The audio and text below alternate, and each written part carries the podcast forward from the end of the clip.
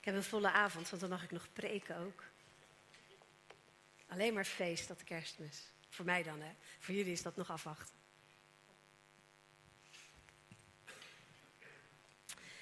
Ik wil jullie een verhaal vertellen. En uh, niet het kerstverhaal, dat hebben we al gehad zojuist. Het is een ander verhaal en misschien is het voor jou ook wel een bekend verhaal, maar dat is het kerstverhaal ook. Dus in die zin maakt het niet uit als het niet nieuw is. Er was eens een kleine jongen die God wilde ontmoeten.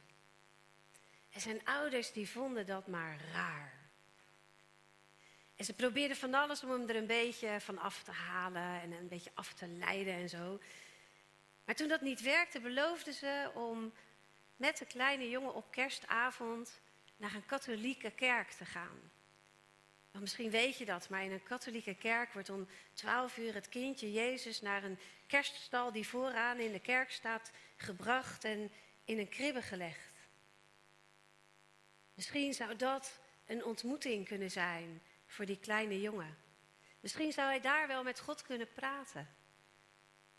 Maar die jongen begreep heus wel dat die Jezus gewoon een pop zou zijn. En God ontmoeten, dat wilde hij liever face-to-face, persoonlijk en niet in een kerk.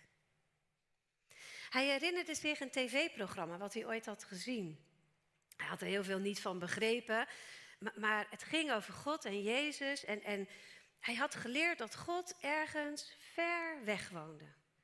In een land met heel veel zand en waar mannen jurken droegen en soldaten van die blikkerende rokjes.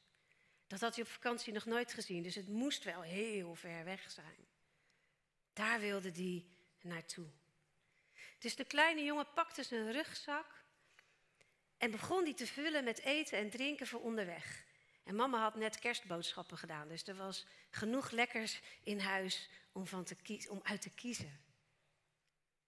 Een doosje kerstkransjes, een stuk van het kerstbrood, een zak M&M's, niet die van Dennis, maar de kersteditie.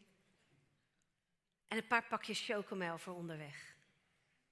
Met een volle rugzak ging de jongen op weg om God te ontmoeten. En na ongeveer een kilometer of wat gelopen te hebben, kwam hij bij een park. Hij besloot er dwars doorheen te gaan.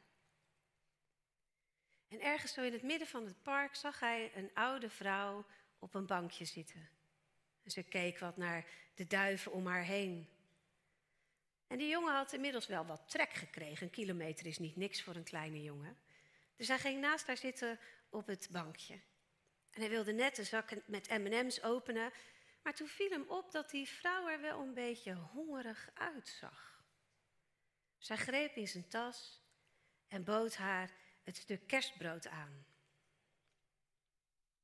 Ik wil weer aanzetten.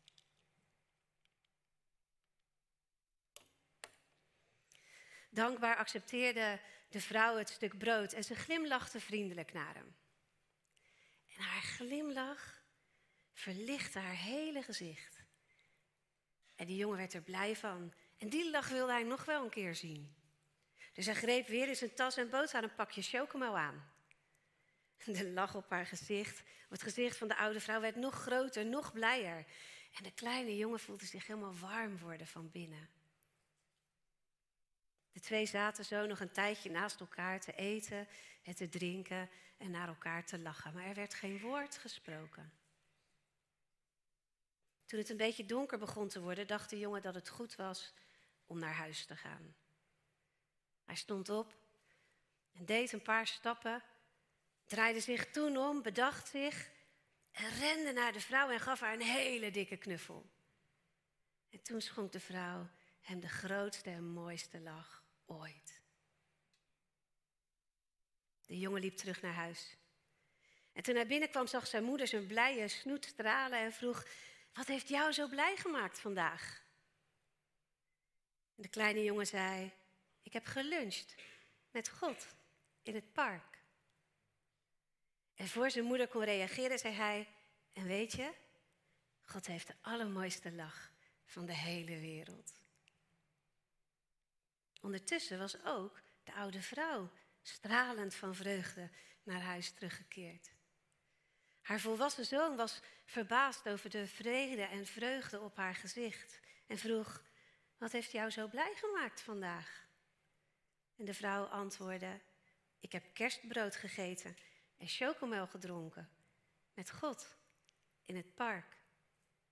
En voor haar zoon kon reageren, zei ze: En weet je, God is een stuk jonger dan ik had gedacht. Ik vind dit zo'n ontroerend verhaal. Het hele idee van God ontmoeten in een oude vrouw of in een kleine jongen. En dan zijn we toch opeens weer heel dicht bij het kerstverhaal.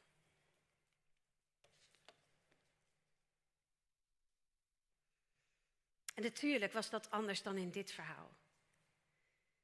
Maar het verhaal van de vrouw en de kleine jongen is veel meer hoe wij God kunnen ontmoeten in een ander, op zoveel verschillende manieren, op zoveel verschillende momenten, in zoveel verschillende vormen. Vermommingen haast, zou ik het willen noemen. We bidden het hier ook regelmatig voor de dienst met de mensen die dan tijdens de dienst op het podium zullen staan en taken hebben in de kerk. Dat, we, dat, dat wij zullen verdwijnen en dat de mensen in de zaal, maar ook wij zelf en ook de mensen thuis, Jezus zullen zien. God zullen ontmoeten. En ik bid dat voor elk pastoraal gesprek wat ik inga. Dat de ander niet mij, maar Jezus ontmoet. Maar hoe dan? Hoe kan dat? Hoe zit dat dan? Hoe kunnen wij in een ander God ontmoeten? Het verhaal van net was misschien een beetje zoetsappig of, of, of, sentimenteel, maar eerlijkheidshalve voelt dat verhaal van dat kindje in die kribbe soms ook inmiddels een beetje zo. Zo wordt het in ieder geval vaak verteld. Maar het verhaal krijgt weer waarde, echt waarde, als we beseffen wat het wil vertellen. Dat het meer is dan die, die beelden van die kerststal.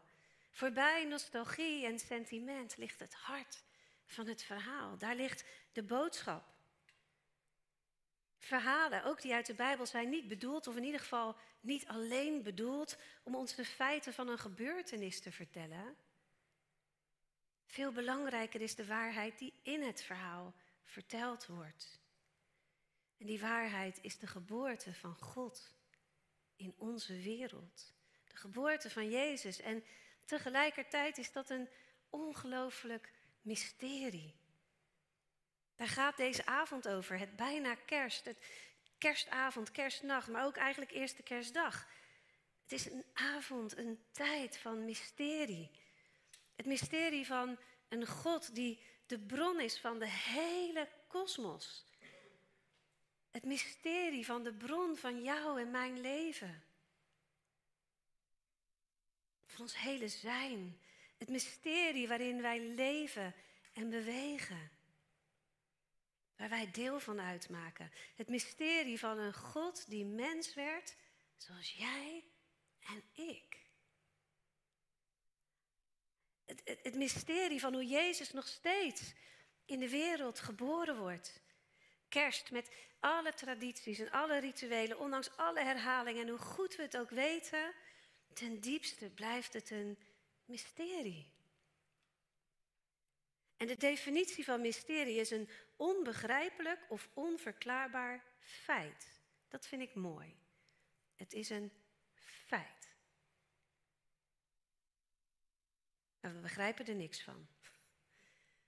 Hoe God mens kon worden, hoe wij Hem nu in de wereld kunnen ontmoeten. Het is een feit, maar we begrijpen er niks van. Maar we kunnen het wel ervaren. Heb je wel eens in de ogen van een baby gekeken? En, en daar een soort van wijsheid gezien.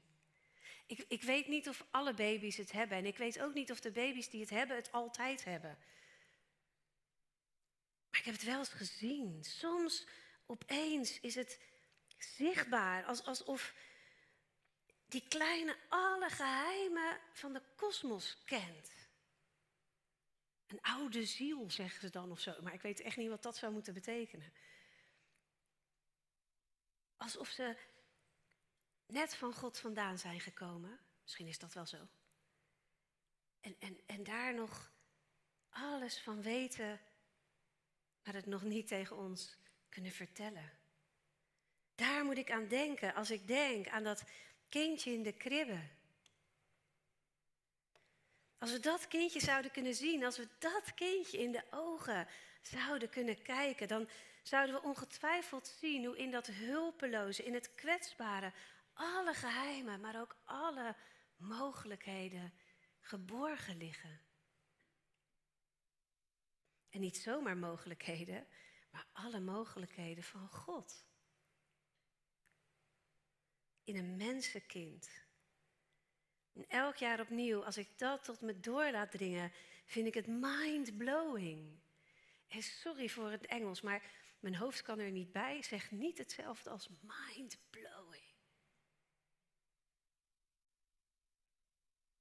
En laten we dan eens kijken naar die andere personages in de buurt van die kribben.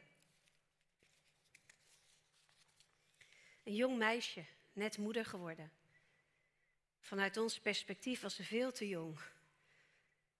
Maar in haar zag God zelf de moeder, de meest geschikte persoon om Jezus ter wereld te brengen. Hij zag wat wij niet zagen, alle mogelijkheden die in haar besloten lagen. Jozef, een doodgewone man leek het, maar hij zou Gods zoon op gaan voeden. Was hij extra bijzonder? Of werd hij bijzonder doordat Jezus bij hem geboren werd? De herders, eenvoudige, meestal arme mannen, die als eerste op kraambezoek mochten. Wat lag in hen verscholen? Wat deed het zien van dat kindje Jezus wat bij hen geboren was? Wat deed dat met hen? Hoe werden zij veranderd misschien? Zijn wij bereid om in al die eenvoudige mensen de reflectie te zien van datzelfde mysterie? Van Gods liefde, van Gods mogelijkheden in hen. Kerst kun je vieren, kun je zien als het vieren van Jezus' verjaardag. Of een feest waarop we dankbaar zijn dat God zoveel van ons hield dat Hij zijn eigen zoon gegeven heeft. Of dat Hij zelf onder ons wilde wonen. En het, natuurlijk in ons achterhoofd, het, het werk wat Hij kwam doen aan het kruis. En dat is allemaal goed en dat is allemaal waar. Maar ik geloof dat kerst ons nog meer wil vertellen. Ik geloof dat kerst ons elk jaar eraan wil herinneren dat Hij nog steeds in de wereld geboren wordt. Elke dag opnieuw. In elk kind wat geboren wordt, is Zijn voorafgaande genade aanwezig. Hij is zichtbaar, ervaarbaar in iedereen die je ontmoet. Alle mogelijkheden van Gods liefde zijn in ieder mens aanwezig. En dus ook in jou. We zijn een heiligingskerk als kerk van de Nazarener. En dat betekent dat wij geloven dat we door Gods genade en ons meewerken met die genade groeien in liefde. In kunnen liefhebben. Dat we steeds meer liefde kunnen ontvangen en vooral natuurlijk ook kunnen geven. En we leggen dat dan uit als steeds meer op Jezus gaan lijken. Steeds meer liefhebben zoals Jezus dat deed en dat doet. Christus gelijkvormig worden noemen we het ook wel. En dat is niet iets wat ons van buitenaf overkomt, maar iets wat binnenin ons bezig is geboren te worden en daarmee dus ook al aanwezig is. Een mysticus in de 14e eeuw, Juliana van Norwich, zei ooit: We zijn niet alleen gemaakt door God, we zijn ook gemaakt van God. We zijn allemaal deel van God. We dragen zijn beeld in ons. We zijn bezig om steeds meer op Hem te gaan lijken. Niet door iemand anders te worden dan wie we zijn, maar door juist steeds meer te worden van wie we werkelijk zijn, hoe we bedoeld zijn te zijn, hoe Hij ons gemaakt en bedoeld heeft. En daar hebben we het hier met enige regelmaat over. Over hoe we meer kunnen lijken op Jezus. Hoe we kunnen groeien in liefhebben. En dan gaat het ook meestal over dat proces in ons. Over hoe wij veranderd worden, vernieuwd worden. Over hoe Jezus in ons geboren wil worden, steeds opnieuw. Mensen die me kennen weten dat ik een groot fan van George Michael ben. En een van mijn allerfavorietste liedjes is Jesus to a Child. Het gaat over een liefde in zijn leven waarvan hij dan zingt: You smiled at me like Jesus to a child. Je lachte naar mij zoals Jezus naar een kind lacht. Iedere keer als ik het hoor, dan voel ik het verlangen van ieder van ons om aangekeken te worden met die liefdevolle ogen van een glimlachende Jezus. Stromen van onvoorwaardelijke liefde. Willen we dat niet ten diepste allemaal?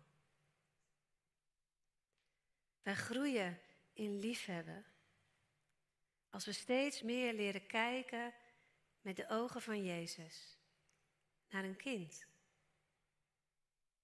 naar een mensenkind, naar iedere mens. Als Jezus in jou groeiend aanwezig is, dan is die ook in die ander groeiend aanwezig. Als jij vandaag bij die kribbe zou staan, bij dat kindje Jezus, en je zou knielen en je zou weten, daar ligt God zelf.